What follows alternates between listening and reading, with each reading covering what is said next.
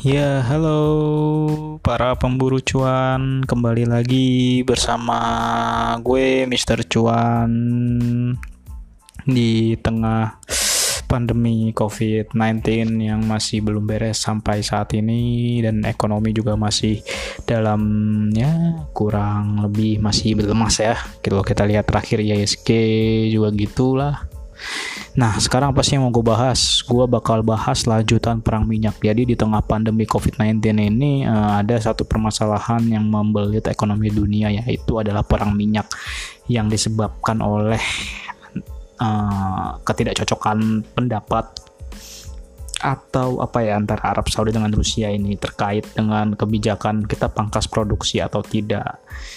Uh, untuk yang kisah Rusia dengan Arab udah gue bahas di episode 5 atau 4 yang gue agak lupa. Kalian bisa cek di uh, list episodenya Mr. Cuan yang sebelumnya. Gue menjelaskan di situ kenapa bisa terjadi perang minyak dan ternyata perang minyak ini adalah perang minyak kedua dalam satu dekade terakhir. Hmm dan ternyata sampai sekarang perang minyaknya belum beres-beres. Nah, jadi gini Uh, kalau kemarin Rusia dan Arab Saudi bersih tegang, sekarang Rusia dan Arab Saudi ini udah mulai satu suara. Jadi OPEC Plus dan aliansinya uh, memunculkan satu kesepakatan yang harus disetujui bersama-sama yaitu melakukan pemangkasan produksi hingga 10 juta barrel per hari itu untuk seluruh anggota aliansi. Cuman ternyata di sini muncul masalah baru. Apa itu masalahnya? Ya, ini Meksiko. Meksiko ingin menolak kesepakatan itu. Kenapa? Panjang ceritanya. Ini akan ber bercerita tentang janji Pak Presiden yang Meksiko. Jadi, Presiden Meksiko Andres Manuel Lopez Obrador ini mm, memutuskan cenderung menolak kesepakatan yang ditawarkan oleh OPEC Plus uh, terkait pemangkasan produksi 10 juta barrel per hari. Dengan pemangkasan 10 juta barrel per hari, berarti Meksiko nanti akan haru harus memangkas sebesar 400 ribu barrel per hari produksi untuk produksi minyaknya.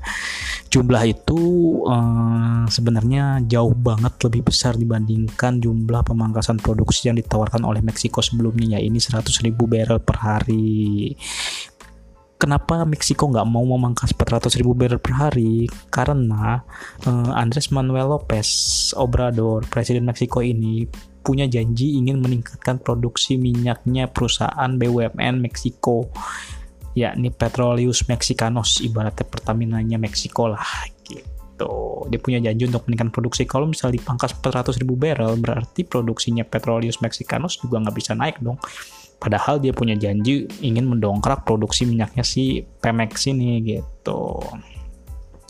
Nah, akhirnya muncullah uh, situasi panas yang baru di uh, perang minyak yang, yang kali ini yaitu antara Arab Saudi versus Meksiko. Cuman dari sisi Arab Saudi sendiri pun tidak ngejar-ngejar Meksiko harus buru-buru menyetujui kesepakatan pemangkasan 10 juta barrel per hari tersebut. Arab Saudi cenderung kayak ya udah santai kalau lu nggak mau yowes ya gitu bahkan Arab Saudi sampai menunda penetapan harga minyak bulanan sambil menunggu kesepakatan tersebut loh gitu berarti ini tandanya Arab Saudi sendiri nggak terlalu ngoyo-ngoyo banget buat mangkas produksi ini sebuah kayak tindakan yang non tak terlihat lah gitu. Ya itu kan tak terlihat sih maksudnya tindakan yang uh, oke okay, gue pengen pangkas cuman kalau lu nggak setuju ya udah gue tungguin sampai setuju gitu. Jadi nggak buru-buru. Sebenarnya yang lagi panik ini adalah uh, Amerika Serikat. Presiden Amerika Serikat Donald Trump udah resah bukan kepalang posisi harga minyak saat ini apalagi bisa tembus di bawah 20 dolar per barrel tuh bakal bisa menghancurkan uh, industri um, shell oilnya Amerika Serikat yang udah gue bahas di um, episode sebelumnya. Untuk itu Trump lagi agresif nih dia ngajak para pemimpin termasuk pemimpin Arab Saudi dan putra mahkotanya Muhammad bin Salman. Lalu Trump pun menawarkan solusi diplomatik kepada Meksiko. Salah satunya dia langsung memberikan uh, hitung-hitungan dampaknya ke pasar minyak jika produksi minyak AS itu akan seperti apa dan sebagainya gitu. Dalam uh, ketika Trump menuturkan solusi-solusi itu uh, beberapa pemimpin dunia sih beberapa delegasi pemimpin dunia itu uh, terlihat setuju. Walaupun kita nggak tahu pas setujunya tuh cuma di muka doang atau gimana gitu. Intinya jika pemangkasan produksi dilakukan Meksiko harus melakukan pengurangan produksi dengan porsi yang sama dengan setiap anggota aliansi lainnya. Itu yang ditekankan oleh Arab Saudi. Berarti di sini masih ada kekukuhan. Ya udah kalau kita mau pangkas 10 juta semua harus 10 juta nih pangkas nih nggak ada tuh nggak ada yang didispensasi misalnya Meksiko nggak mau nggak bisa. Berarti di sini uh, Arab Saudi sendiri pun masih kukuh untuk uh, ya udah kalau misalnya ada yang nggak mau mangkas ya udah kita nggak akan pangkas produksi gitu. Kenapa sih kok Arab Saudi kukuh? Kalau ada yang nggak bisa mangkas nggak mau mangkas ya ini lagi-lagi kan bicara uh, bicara pangsa pasar minyak. Kalau misalkan Meksiko nggak mangkas, Arab Saudi mangkas, berarti nanti pangsa pasar yang Arab Saudi bisa diambil sama Meksiko. Itu sebenarnya yang dikhawatirkan oleh uh, Arab Saudi juga. Dan ini juga itu itu pula juga yang membuat uh, Rusia sempat bersitegang dengan Arab Saudi. Intinya adalah pangsa pasar minyak yang jadi rebutan semua negara. Lalu apa emang sih uh, kekuatan Meksiko hingga berani uh, menolak kesepakatan aliansi? Uh, dari beberapa cerita sih, jadi Meksiko ini sebenarnya dalam dua dekade terakhir memiliki kontrak uh, lindung nilai harga minyak. Jadi ketika harga minyak anjlok sekalipun dia tetap bisa menjual harga minyak um, di harga yang sudah ditentukan gitu ini pun akhirnya yang membuat Meksiko tetap dapat pendapatan uh, dari migasnya cukup besar. Misalkan saat harga minyak anjlok di tahun 2009, Meksiko tetap mendapatkan pendapatan migasnya tuh uh, eh, 5,1 miliar dolar AS. Begitu juga saat perang minyak di tahun 2015-2016. Meksiko tetap membukukan pendapatan fantastis senilai 6,4 miliar dolar AS pada 2015 dan 2,7 miliar dolar AS pada 2016. Namun uh, opsi lindung nilai yang digunakan oleh Meksiko ini untuk menjaga harga minyak harga jual minyaknya itu nggak gratis loh gitu. Bahkan Menteri Keuangan Meksiko Arturo Herrera tuh mengatakan polis asuransi harga minyak ini tidak murah.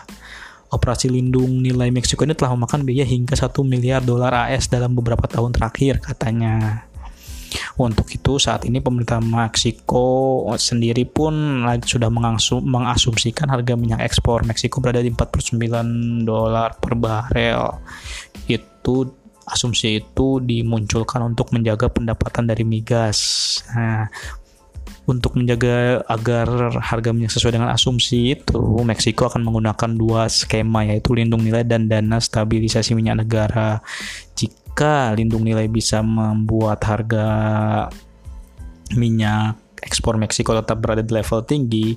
Nah, untuk dana stabilisasi negara ini hanya paling bisa um, menjaga nilainya sekitar uh, eh, 2 dolar AS sampai 5 dolar AS per barrel lah, nggak sebesar kalau dia pakai opsi lindung nilai. Cuman memang harus dibagi dua. Kenapa? Karena opsi lindung nilai ini sangat mahal sekali biayanya gitu. Bahkan jika harga minyak turun di bawah 20 dolar per barel, berarti operasi lindung nilai Meksiko ini bisa memakan biaya hingga 6 miliar gitu kan. Artinya uh, pendapatan dengan pengeluaran juga sama, marginnya tipis, bahkan cuma jadi ratusan juta dolar doang berarti pendapatannya kan. Itu yang akan menjadi masalah untuk Meksiko. Cuman uh, angka-angka hitung-hitungan itu katanya masih realistis. Uh, Meksiko kabarnya melakukan lindung nilai di level 45 dolar per barel. Jika dihitung secara rata-rata sejak Desember 2019, harga minyak Meksiko berada di level 42 dolar per barel. Nah, apakah Meksiko tetap bisa bertahan dengan strategi opsi lindung nilainya dan dana stabilisasi minyak negara jika dia ingin melawan uh, kesepakatan aliansi yang tidak ingin memangkas produksi karena jika Meksiko menolak kesepakatan, Arab Saudi bisa memainkan harga jual ekspornya lebih rendah lagi.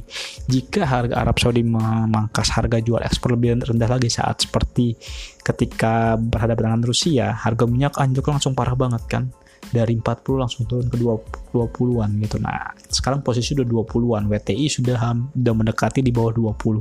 Jika tidak ada kesepakatan antara Arab Saudi dengan Meksiko, bisa jadi ya Arab Saudi diskon lagi harga minyaknya dan harga minyak bisa jatuh di bawah 19.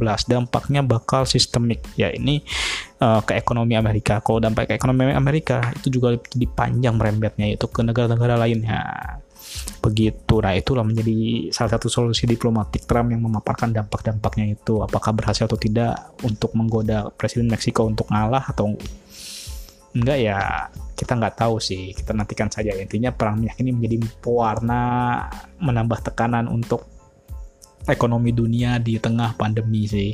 Walaupun bagi Indonesia sendiri uh, penurunan harga minyak adalah berkah juga. Kenapa? Karena uh, impor minyaknya jadi lebih murah walaupun di sisi lain harga dolar naik. Jadi itu alasan Pertamina belum nurunin harga BBM karena oh dolarnya naik di 16 ribu walaupun harga minyak turun. Cuman kalau dipikir-pikir sih kan harga minyak turunnya hampir 10 dolaran ya. Oh, dan uh, rupiahnya cuma turun uh, seribuan kok jadi nggak naik nggak jadi nggak turun ya harga BBM ya bingung kapan turunnya padahal Jokowi udah bilang turunkan harga BBM harga minyak udah turun nih kita nggak tahu juga cuman kalau dilihat dari impactnya sih kalau melihat pas 2015-2016 ya. Uh, ini bisa membantu menekan defisit transaksi berjalan Indonesia. Apalagi di tengah pandemi ini jika misalkan Jokowi prediksi dengan kondisi pandemi yang terparah pun eh, defisit bisa melebar ke 5% mungkin bisa diredam sedikit oleh penurunan harga minyak. Mungkin bisa menjadi tetap di tiga persenan atau menjadi 4 persen gitu itu sih kalau dari pandangan gue positifnya untuk Indonesia. Karena Indonesia sendiri kan lebih banyak impor sebenarnya daripada ekspor. Ya jadi ibaratnya uh, penurunan harga minyaknya bisa ngebalance beban dari uh, biaya yang harus dikeluarkan untuk pandemi COVID-19 gitu sih. Kita berharap aja lah semoga badai pandeminya berakhir. Masalah perang minyak tuh masalah teknis lah yang kita sebagai importer country sih justru malah diuntungkan. Kayak misalnya Cina, Cina sangat diuntungkan sekali dengan kondisi saat ini karena harga minyak yang murah. Dulu Amerika sangat diuntungkan dengan harga minyak murah. Cuman setelah dia menjadi produsen dan eksportir, harga minyak murah ini menjadi stres. Industrinya bisa hancur, bisa banyak PHK. Nanti uh, angka angka pengangguran meningkat. Akhirnya uh, the Fed menurunkan suku bunga dan sebagainya. Panjang ceritanya. Gitu sih. Itu cerita dari Mr. Cuan aja untuk uh, episode kali ini. Nggak terlalu panjang-panjang karena cuma bahas terkait lanjutan dari perang minyak yang be malah berkepanjangan bersamaan dengan pandemi COVID-19 iya teman-teman semua tetap pakai masker kalau mau keluar dan keluar kalau ada kebutuhan aja. Jaga jarak uh, jangan berkumpul dan tetap di rumah aja. Jadi kayak Yuri ya, Pak Yuri. Oke, sampai di sini dulu aja. Sampai jumpa ke episode berikutnya. Bye bye.